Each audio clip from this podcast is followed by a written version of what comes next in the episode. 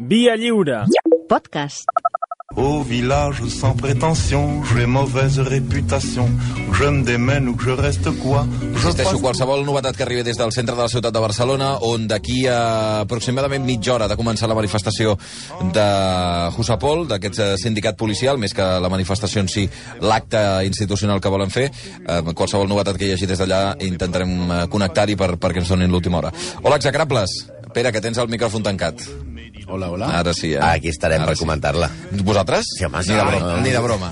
Ni de No, broma. estem aquí per comentar... Estem aquí per tot, eh? Sí, no, no, ja veig que esteu per A tot. més a més, em sembla que el, el Monti i el Blai tenen certs problemes logístics, vull dir que hem d'allargar, no? Bueno, eh, això encara no ho havíem comentat, però certament, eh, hi ha vegades que jugues, al, jugues al, a cartes Sí. i ja saps que és molt probable que perdis. Sí. I en aquest cas ja es veia venir que perdrien. Totalment. Eh, perquè són a Donosti, són a Sant Sebastià des de fa 15 dies menjant pinxos, com, a, com si no hi hagués demà, I han hagut de pagar sobrepès. I No, han- I no ha pogut despegar l'avió, no? i han decidit que avui arribarien a tres quarts de deu amb un vol de Vueling a Barcelona.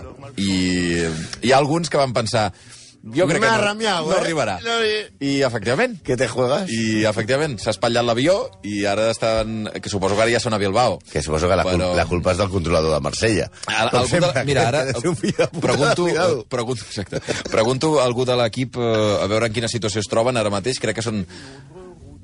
Ah! Mira, em diuen que aterraran a les 11.17. No sé si li han posat un vol charter. Vaja, no arriben aquí ni de broma per fer les pantalles, però bueno, Bueno, en fi. Diguem, nosaltres hem fet llarg, eh? Sí, no, vosaltres aneu fent, aneu fent. Aneu fent. Uh, avui, avui qui? Avui, avui ens carreguem infanteses, eh? Avui anem a contra infanteses de, de millennials i destrossarem Laura de Bonàs a l'execrable d'avui. Tipus que ha venut, i, i ja sabem que quan parlem de vendes de llibres, el Malcolm sempre diu, diu, al tanto que això és... Els números no són fiables, que aquests números són més imprecisos que el nombre de manifestants a Barcelona. Avui és un bon dia, això. Però el nostre personatge d'avui ha venut més de, segons sembla, més de 100 milions de llibres. Hosti. Són molts, llibre. No Quants te- en porteu de venuts vosaltres? Molts. 100, 200 milions. L'altre dia em va sorprendre que vaig veure que hi havia una cinquena edició ja del primer. S'imagina. Però què, què vol dir això? Fem edicions de 3 exemplars. Però llibres, parlant de llibres i parlant dels execrables, avui sortejarem llibres, perquè l'Aurorita ens ha dit que se'ns ens fot unes bronques quan sortim d'aquí i no recordem ni el compte de Twitter ni, ni que sortegem llibres. Ah, bueno. Bueno, doncs el compte de Twitter és arroba il·lustres execrables, clar. Doncs bé, doncs el nostre escriptor d'avui ha endolcit la vida a milions de nens, ha fet somiar a generacions, ha creat fàbriques de xocolata meravelloses, nenes que tenen poders eh, ultranormals i es defensen de professores molt malvades, nets que tenen àvies torturadores i que també va escriure eh, relats també per adults macabres, potser és la seva part menys coneguda, que eren contes d'assassinat que molts els adaptava Hitchcock per les seves sèries de, de relats Compte, curts eh? d'Alfred Hitchcock presenta, eh? És possible que sigui l'escriptor específicament infantil més important del segle XX. És que, clar, jo l'he lle- l'he llegit molt i no clar. em vinguis a tocar la Amb pera amb aquest, eh? específicament infantil ens referim que no val tot per ser una novel·la de- infantils. No val que tu vulguis escriure una novel·la per adults, i no estem parlant de 50 ombres de Grey, eh? parlem de novel·les, i et surti una merda o nyonya i digues, és que era per nens. No, no. Ho sentim, Bundó, ho sentim, Bayonesta. La vostra infància cau pel tobogan de la infàmia. Tenint en compte, per cert, que una de les seves obres magnes, aquest cap de setmana, crec, fa 30 anys. Exacte. I és la, davant de la impossibilitat de carregar-nos a Tim Burton, que encara està viu, tirem al riu de xocolata un geni literari per a petits, però també un racista, antisemita, arrogant, insuportable, un mal bitxo. Avui parlem de Roald Dahl, conegut com a Roald Dahl.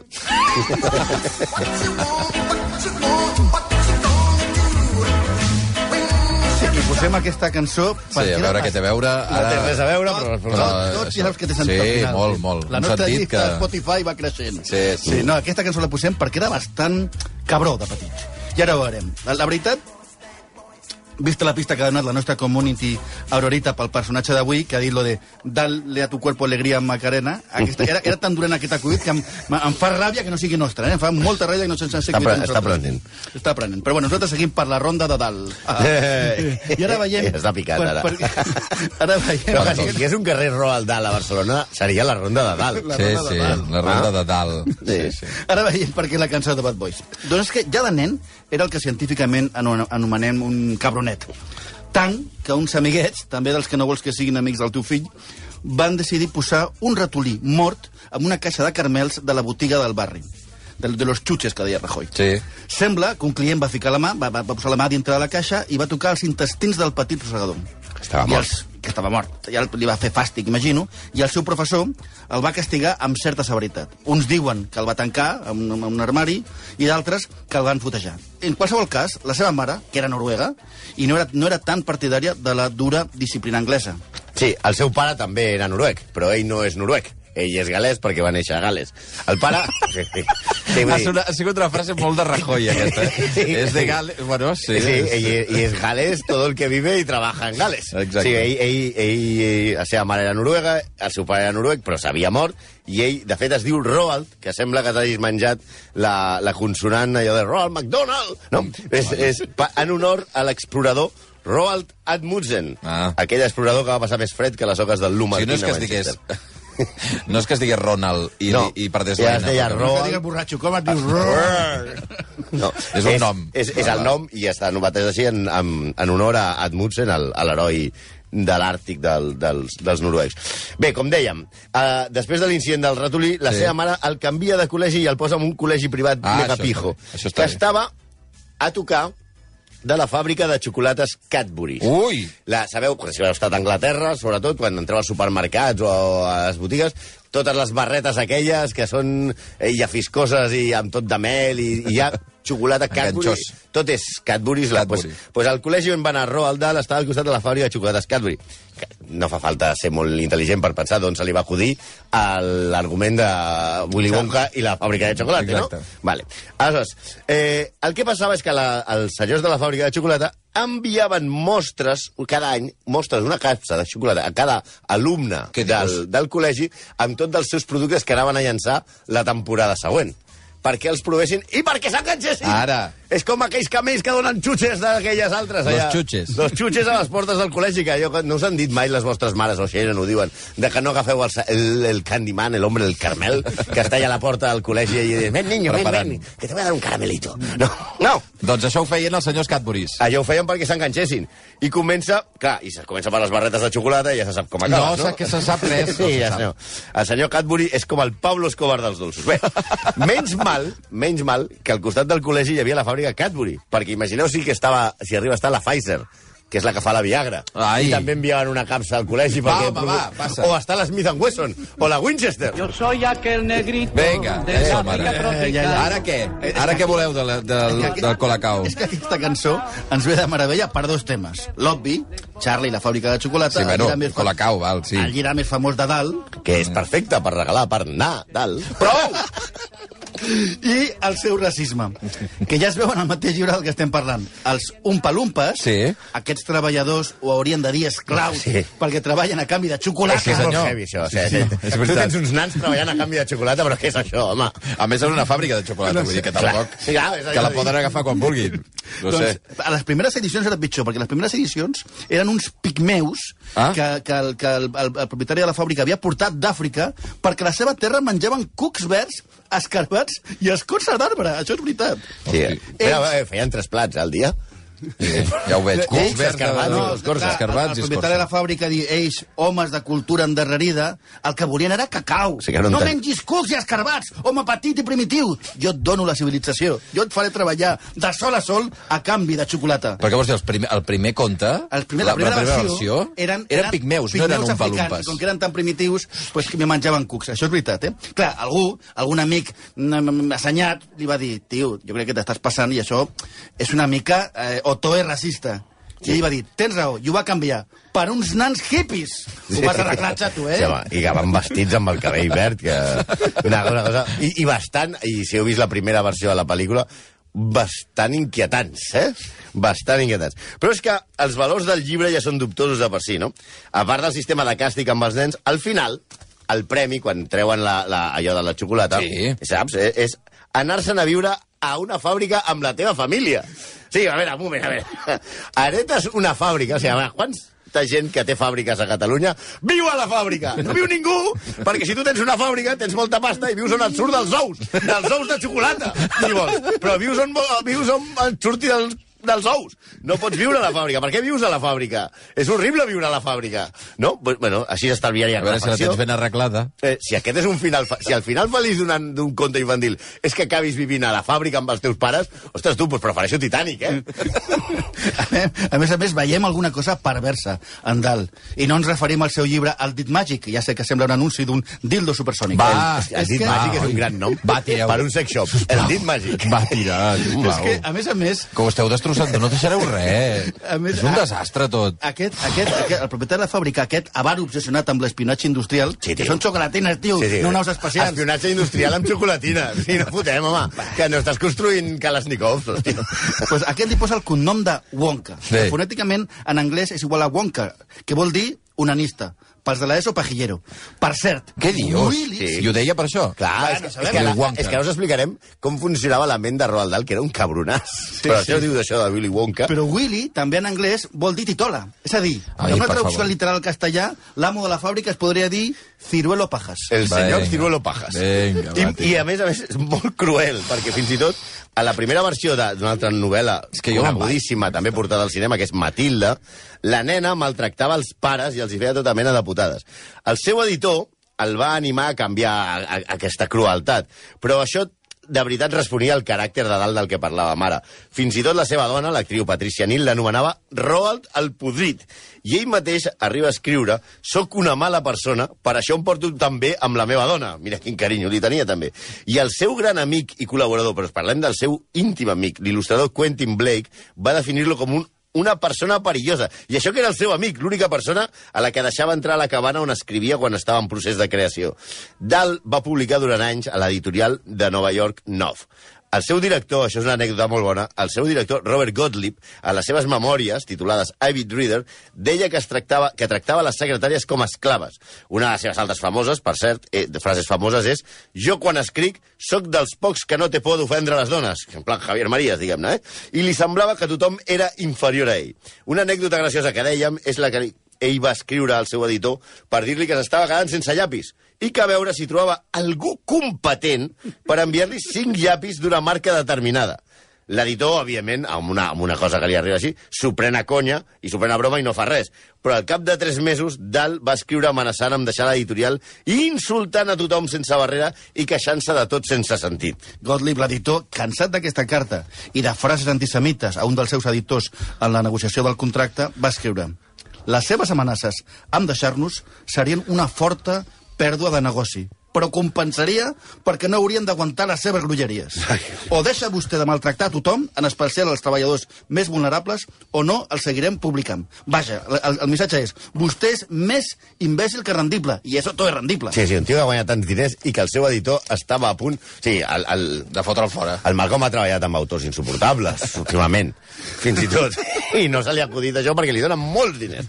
Ara que hem esmentat el seu antisemitisme, amb una entrevista al 1983 va dir hi ha una cosa en el tema jueu que provoca animadversió. Atenció a la frase perquè és genial, Ai, eh? ai, ai, ai. Vull, vull dir, sempre hi ha una raó per la qual en algun lloc neix un anti al que sigui. Fins i tot el fastigós de Hitler, de Hitler els va triar els jueus per alguna raó. Ai. O sigui, està justificant eh, l'Holocaust. També va dir una cosa així com jo no és que sigui antisemita, jo és que sóc anti-Israel. Però és que el que li agradava era provocar i ser realment un malparit. Tenia un sentit de l'humor terriblement cruel.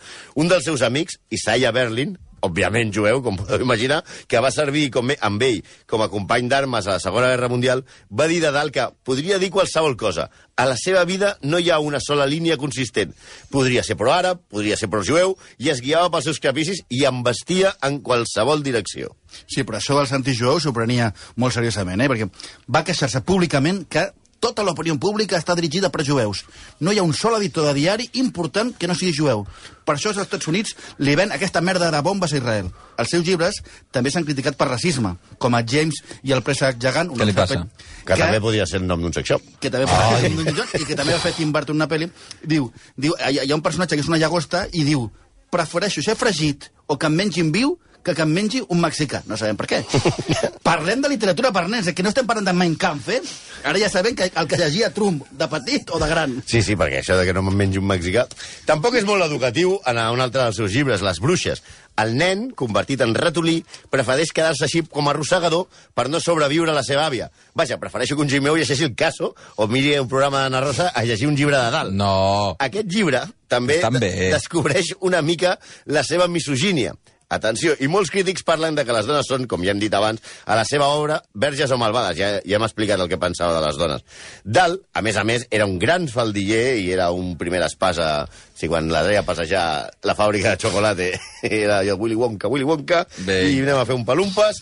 Es va casar, Hosti, noi. però no va deixar de posar-li les banyes a la seva dona especialment amb la millor amiga de la seva esposa, la senyora que es deia Felicity Cosland, a la qual, i a la seva dona, mentrestant, que era la famosa actriu, la vexava verbalment tota l'estona perquè ella tenia cura de cinc fills, mentre ella tenia cura de cinc fills. Per si això no era prou, estava profundament acomplexat, perquè li molestava que la seva dona, que, que era actriu, fos molt més famosa que ell en, en, en el món del, del públic. I era famós que en els sopars amb amics, que ella es dedicava a menysprear i a incomodar a tota la taula fent bromes contra la seva dona. Però no era l'única. La seva mare pensava que el seu fill era el tipus més maleducat de la Terra. També la seva filla, Tessa, descriu el seu pare com un tipus amargat, egocèntric i esquerp, i que mai li va donar mostres d'afecte. Ella va dir, el meu pare donava felicitat a milions de nens, i jo em moria per dins. No, home, I ara això què és? dinero. Dinero? Dinero, perquè, clar, no li podia faltar el pecat de l'avarícia. Home. Encara que els seus aiògrafs, eh, que ja han parlat de les geografies, que és això, tornem a, a, a recuperar-ho, eh? és el que fa la premsa del Madrid amb Visco, a geografies. Diuen que justificava les seves voluminoses despeses mèdiques perquè eh, ell tenia moltes fundacions a favor de ma nens malalts i d'això. Però bueno, la veritat és que aquestes fundacions també, com veurem després, servien per molt per evadir impostos. La veritat és que Roald Dahl era l'oncle Garrepa sense fissures. Les seves correspondències amb editors són de vergonyes, però on va sortir el veritable professional dels diners que portava dintre era quan va negociar els seus nombrosos, nombrosíssims, fins i tot, contractes amb el món del cinema.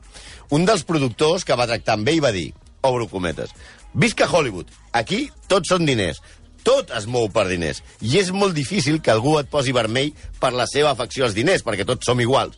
Però Dalt ho aconseguia. Al principi vaig pensar que estava de broma, però després vaig entendre que per ell mai hi havia prou. Era un malalt que va morir extraordinàriament milionari. Per descomptat, no li agradava pagar impostos. Oh, clar. Bueno, Bé, almenys no l'havien fet ministre de Cultura, eh? Això sí. Però a la seva mort es va descobrir que es dedicava, dedicava molts esforços a evadir impostos. Va crear un entramat per no pagar en paradisos fiscals i amb moltíssimes trampes. Ja en vida li van reclamar milions, però després de la seva mort es va saber la quantitat de martingales que demanava, per exemple, als seus editors per no pagar impostos i que els posava en una situació molt difícil. És això, fer que els altres col·laborin, que siguin còmplices de les teves malifetes, no? Per descomptat, tot això era compatible amb campanyes de caritat i discursos de suport als nens i als favorits. Un filàntrop. Pels delesos no és una espècie de Jurassic Park, és una persona que ajuda els altres de forma desinteressada. D'acord. Va, tenim que Dalt, fins ara tenim maltractava els febles, era arrogant, ignorava els seus fills, era antisemita, racista, garrepa, misògin, maleducat i defraudador. Què li falta? No sé. Una gravació amb el comissari Villarejo? Un màster? Ui, el pal! Gairebé, Com el pal? Gairebé, el què? màster que fals gairebé. Perquè si alguna cosa també va fer el nostre Emma va ser fer créixer els seus mèrits de guerra per semblar un heroi. No eren els màsters, però sí els seus mèrits. Que va ser una, una mena d'heroi, però no tant com ell va escriure. Els seus biògrafs també contraposen aquesta figura a la d'un trepa que s'ajuntava sempre amb els més poderosos. Uh, un, magnats del petroli, eh, peixos grossos de la política i militars... Era un mestre dels despatxos amb gran capacitat per autopublicitar-se. Una mena de Manolo el de l'autobombo. Si tu llegeixes la seva biografia, eh, veus que ell a, a, a Segona Guerra Mundial Sí. eh, eh, eh, eh, és, és Rambo... O sigui, era los mercenarios en un, eh? Vull dir, el tio realment va estar ferit, va quedar sec tres setmanes, però explica que d'arribar en avions alemanys era el parxís, matava un i comptava 20, eh? Però a la seva bio- biografia de Jeremy Trenglow, un amic de Dal, li diu que en Dal tot és veritat i tot és mentida. És com un actor manipulador. No saps mai si el que diu ho diu de veritat o si hi ha una intenció al darrere. Un exemple, per exemple, és la seva relació amb el cinema, Hollywood. Ell sempre deia a tothom que odiava el món del cinema, que era frívol i que no volia treballar mai amb actors, però anava boig per ser-hi i els va, els va treure moltíssima pasta. A més a més, no només les seves pel·lícules adaptades per, per que hem vist, no. Va escriure, per exemple, el guió de l'últim James Bond interpretat per Sean Connery Oh. i sense la seva col·laboració al cinema, evidentment ens haguéssim perdut a Gene Wilder com a Willy Wonka. Dick Van Dyne també és el guionista de Chitty Chitty Bang Bang i a Danny DeVito fent de, a, a Matilda, per exemple. Sí, sí, però ens haguéssim estalviat dos pel·lis de Tim Burton. Dos! No és poca cosa. Ai, Déu meu. Just en el cap de setmana que fa 30 anys de Matilda, que es va, uh, vaja, que va sortir, um, avui parleu de Roald Dahl, que, en fi, estic destrossat. No, bé, no, no, no, tampoc és tant aquest, home. No tant, no, no està malament. M'has dit El tio- és un tio- racista, antisemita, que repa misògin, maleducat i defraudador I, d'Hisenda. i quan, quan va treballar per la Shell, la seva primera feina va ser treballar per la, per la Shell, per l'empresa petrolera, Sí. i, li van envi i el van enviar primer a Egipte, i ell va dir que a Egipte no anava perquè hi havia massa pols. I home, collons, si estàs al desert, hòstia, no pot ser que hagi... I després va acabar a Dar el Salam, on vivia a la Shell House, mm. que ell, i tenia cuiner i tres criats només per ell. Carai, tot bé. 11 i 8 minuts. Execrables, gràcies, eh? A A vosaltres. vosaltres. Tout le monde viendra me voir pendu, sauf les aveugles, bien entendu.